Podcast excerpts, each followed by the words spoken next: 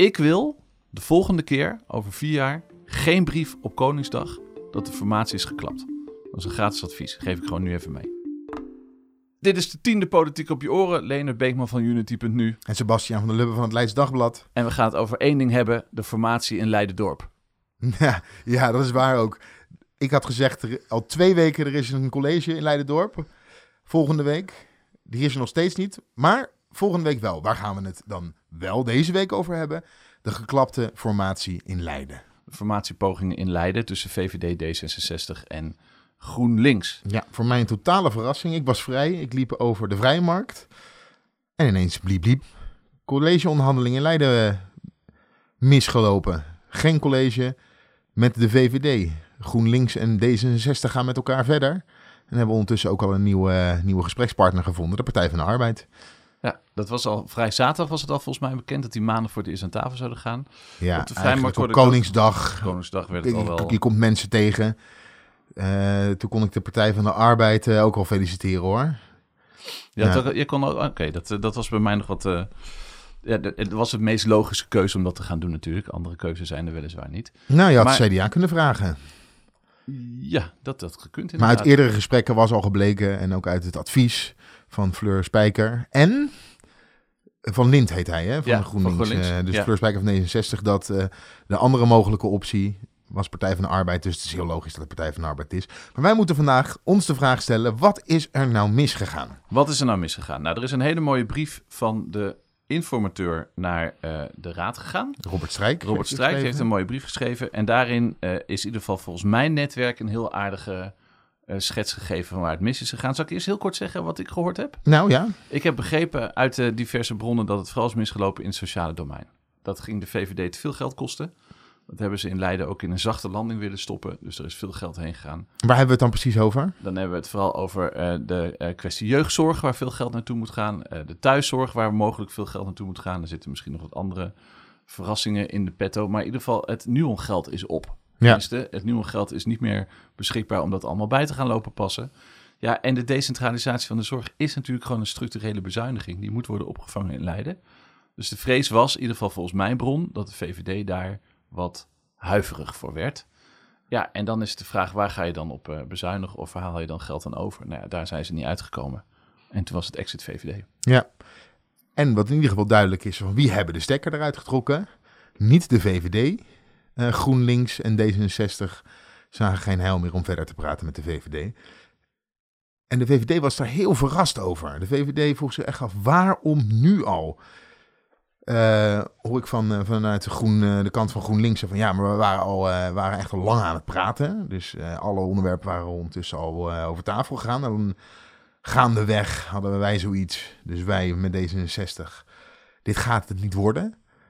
En toch kwam het volgens de VVD als een verrassing. We waren nog niet eens op het, op het punt gekomen dat we echt gingen onderhandelen. En dan was er nu al niet genoeg vertrouwen. Eh, ik vond het wel verbazingwekkend, want dat zijn toch twee totale verschillende beelden die gegeven worden. Aan de ene kant VVD dat zegt, ja, de onderhandelingen waren nog niet eens echt begonnen.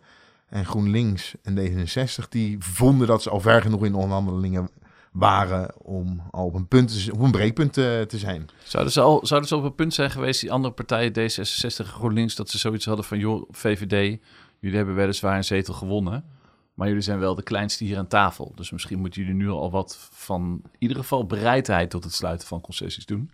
Terwijl ze misschien bij de VVD dachten, als wij onze poot nou heel lang stijf houden, dan kunnen we altijd nog wat gaan inleveren. Ja, dat is natuurlijk- Maar in die fase zitten we nog helemaal niet. Dat is natuurlijk de vraag. Heeft de VVD de hand overspeeld? Hè, zijn ze te, met te gestrekt been die onderhandelingen ingegaan?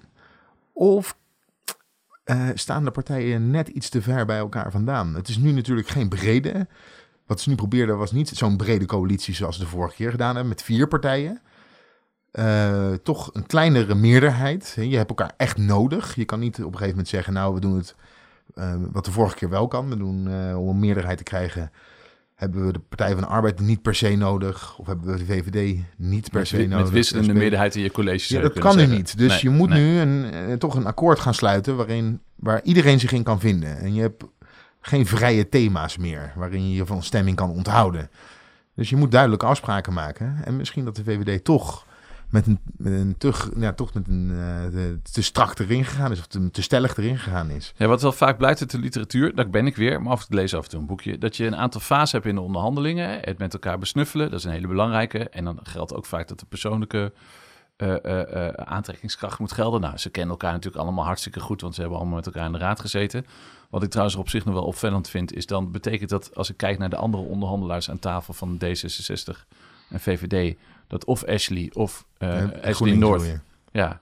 Of eh, eh, Jos Olsthoorn. Jos Olsthoorn, dat die dan een van, een van die twee wethouderskandidaat zijn. Nee, misschien Nee. wel fractievoorzitter. Misschien dat Walter toch niet als fractievoorzitter verder zou gaan. En dan misschien de Ik wethouderskandidaat hoorde, is. ik hoorde dat hij graag in het presidium wilde komen. En dan kan je niet geen fractievoorzitter zijn. Oké, maar dan zou betekenen dat zij dus een andere wethouderskandidaat hebben nog. Ja. Maar die zit niet aan de onderhandelingstafel. Nee, Terwijl Fleur Spijkers wel onderhandelt. En is volgens mij wethouderskandidaat voor, deze, voor, D66, voor eh, D66. Of Paul Dirksen, sorry.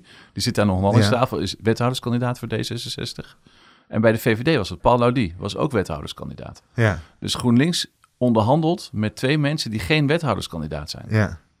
En nu is dat iets wat me opvalt. Nu is de vraag, betekent dat dan ook iets? Ik heb nog niks gehoord dat iets betekent. Nou ja, ik denk dat dat lastig is, omdat als je niet een wethouderskandidaat bent, dan heb je meer moeite met je achterban om die ook op de hoogte te houden eh, in de onderhandelingen. Want jij kan wel gaan onderhandelen, maar ja, wat is dan precies je mandaat als jij niet degene bent die uiteindelijk ook in het resultaat gaat zitten? Ja, maar, Dus dat lijkt me dan misschien iets lastiger dan die andere twee partijen. ja, maar toch is daar niet misgegaan. Maar daar is het niet misgegaan. Dus dan is het een, eh, allemaal, blijft het een hypothetische ja, situatie. het gaat volgens de brief van Robert Strijk om het toebedelen van geld aan ambities. En het gebrek, eh, gebleken is dat standpunten over financiën en een aantal belangrijke inhoudelijke eh, ambities van de drie partijen zo ver uit elkaar liggen dat de onderhandelaars van D66 en GroenLinks hebben geconcludeerd dat verdere onderhandelingen in deze samenstelling van partijen geen kans meer hebben op succes. Maar jij noemt het sociaal domein en die zie ik dan niet voorbij komen op de verschillende websites van de verschillende partijen, waarop zij ze een aantal breekpunten aanstippen. Bij D66, bijvoorbeeld op de site, staat dat onderwerpen zoals de autoluwe binnenstad, de invulling van de participatiewet, de opvang van uitgeprocedeerde asielzoekers en extra cameratoezicht.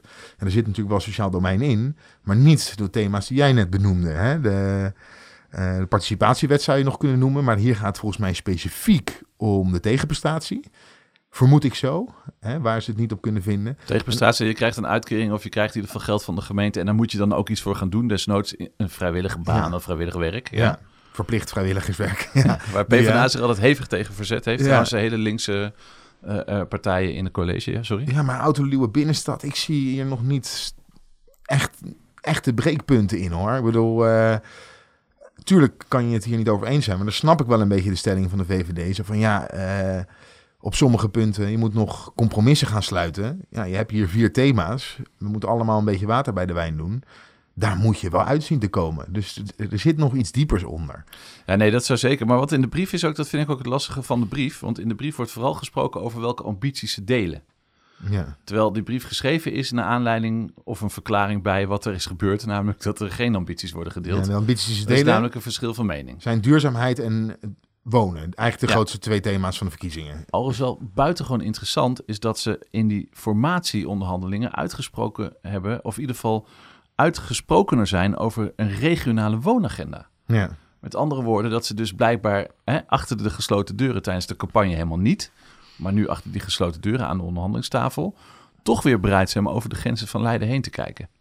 Ja. Vond ik nog een opvallende op zich. Want Ja. die staat gewoon keurig in een brief van Strijk vermeld. Maar jij zegt er zit nog wat diepers in wat, waar het niet goed is gegaan. Nou, dat denk ik. Nou, ik heb wel gevist naar de portefeuilleverdeling.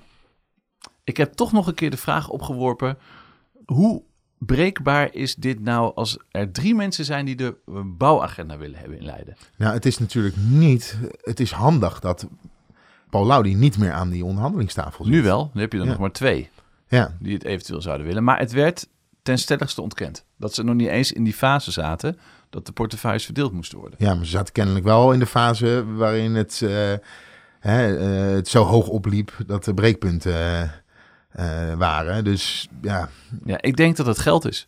Ik denk dat wij in september ongeveer kunnen gaan zien in de brief die eh, de dan eh, wethouder van Financiën naar de raad gaat sturen, waar deze onderhandelingen op fout zijn gegaan.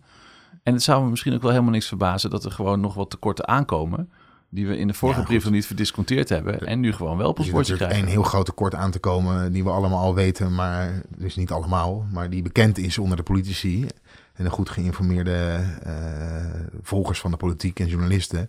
Dat is het afschaffen van de precario-belasting. Kom je al mee? Ja. Ja, in Leiden is dat echt een substantieel bedrag, zo rond de 7, 8 miljoen. En daar moet, daar moet een oplossing voor gevonden worden. Per jaar is dat. Hè. Een precario-belasting is de belasting die gegeven wordt op kabels die in de grond liggen. Nu krijgt de gemeente van eh, de energiebedrijven krijgt daar eh, belastinggeld op. Maar ja, daar moet een oplossing voor gevonden worden. Dus inderdaad, er zit een, financieel, eh, er zit een financiële laag om. Maar we blijven gissen. Nu, wie spint hier garen Ja. bij? Ja, nou ik vermoed. Ja, nou ja, goed. Ik heb, ik heb het ook al eh, eh, geschreven. Ik denk dat GroenLinks hier de, de, de happy camper is als ze over vier jaar gaan kijken. Jij hebt het over het nu, maar ik heb het over het straks straks. Hè. De volgende verkiezingen komen altijd, starten altijd de dag na de vorige verkiezingen. Ja, en GroenLinks is gewoon heel blij met de Partij van de Arbeid volgens mij straks in het college. Die zijn mooi afgedekt op de linkerflank. En D66 gaat zich vooral eh, eh, eh, storen en irriteren aan de oppositie van de VVD. En in de VVD heb je dan het grote, in de raad heb je dan het grote duurzaamheidstegenstelling tussen VVD enerzijds en P van de Partij van de Dieren anderzijds. En daarin kan GroenLinks altijd een redelijke co- collegepartij zijn. Want die raad zelf blijft op een aantal punten hopeloos verdeeld. En dat is voor dit college heel fijn. Want die kunnen dan keurig die raad tegen zichzelf uitspelen. En hebben daar dan betrekkelijk weinig bij. Dus ik denk dat het in deze zin met de VVD in de oppositie, zowel voor GroenLinks en voor iets meer mate, een mindere mate voor D66, een ongelooflijk gunstige ontwikkeling is. Ja. Vermoed ik. En voor D66 is het onhandig, omdat zij nu de meest rechterpartij, rechtspartij zijn. Ja. Dus vanaf de rechterkant, dus voor het CDA Ja. en de VVD, constant aangevallen gaan Ja, worden. en scherp ook, want de VVD is natuurlijk een, een partij die gegroeid is, weet veel over het dossier, heeft het ook op dat dossier helemaal niet slecht gedaan. Ja, en die, gaat daar, die, gaan, die gaan gewoon pijlen schieten. Terwijl aan de andere kant de SP, hè, het wethouderschap van Roos van Gelderen, dat, daar moeten we nog een debat over voeren Mhm. voordat het nieuwe college er is. Maar ik zou me niks verbazen als de Partij van de Arbeid het zorgdossier krijgt, de kast daar leegruimt en dan vervolgens daar keurig mee gaat shinen. Daar heeft Dame al heel veel ervaring mee opgedaan financieel. Ze heeft het afgelopen drie kwart jaar, Roos van Gelder, al heel veel bijgestaan in die complexe financiële debatten. En zorg zou ook, hè, vooral die de- gedecentraliseerde zorg, dat is volgens mij voor de Partij van de Arbeid een heel mooi dossier om in de stadje mee te kunnen laten zien. De wijken, dat geef je aan het CDA. Financiën, dat gaat naar D66. CDA, de wijken? De wij- ja, nou ja, de- de- in de, in de campagne is CDA de wijken ingetrokken. Die hebben zich opgeworpen als de Partij van de Wijken. En dat heeft PvdA nooit vier jaar lang kunnen, kunnen profileren. Omdat het weddenschap van financiën... Dat, college, hè? nee, nee, maar die kan je wel dat onderwerp geven. Dus dan hoef je Ja, vanuit, dat doe je vanuit het ja. college als Partij Waaruit van de Arbeid niet aan te werken. Maar je profileert je als de zorgpartij van, van Leiden. Ja, en dat zou, dat zou voor, voor Leiden, volgens mij voor de Partij van de mooi in de landelijke ja, strategie. en, en, heb- en dan heb je ook helemaal geen tegenwoord, geen weerwoord. Want wat moet het SP dan oppositie voeren daartegen? Ja, voor de onderhandelingen heb ik het idee dat D66 hier het meest eh gun, Voor nu. gunnen. Voor nu, ja. Ja. Want eerst zaten er drie winnaars aan tafel. Nee, twee winnaars en één verliezer. Ja. En hoe hard D66 ook blijft roepen dat zij een winnaar zijn van de verkiezingen, omdat ze de grootste partij zijn gebleven, zij hebben verloren. zetels verloren. Ja. De VVD had gewonnen, GroenLinks was de overduidelijke winnaar. GroenLinks is nu een groentje. En ze hebben natuurlijk wel eens eh, in het college gezeten, nu al jaren niet. Die zitten nieuw aan tafel.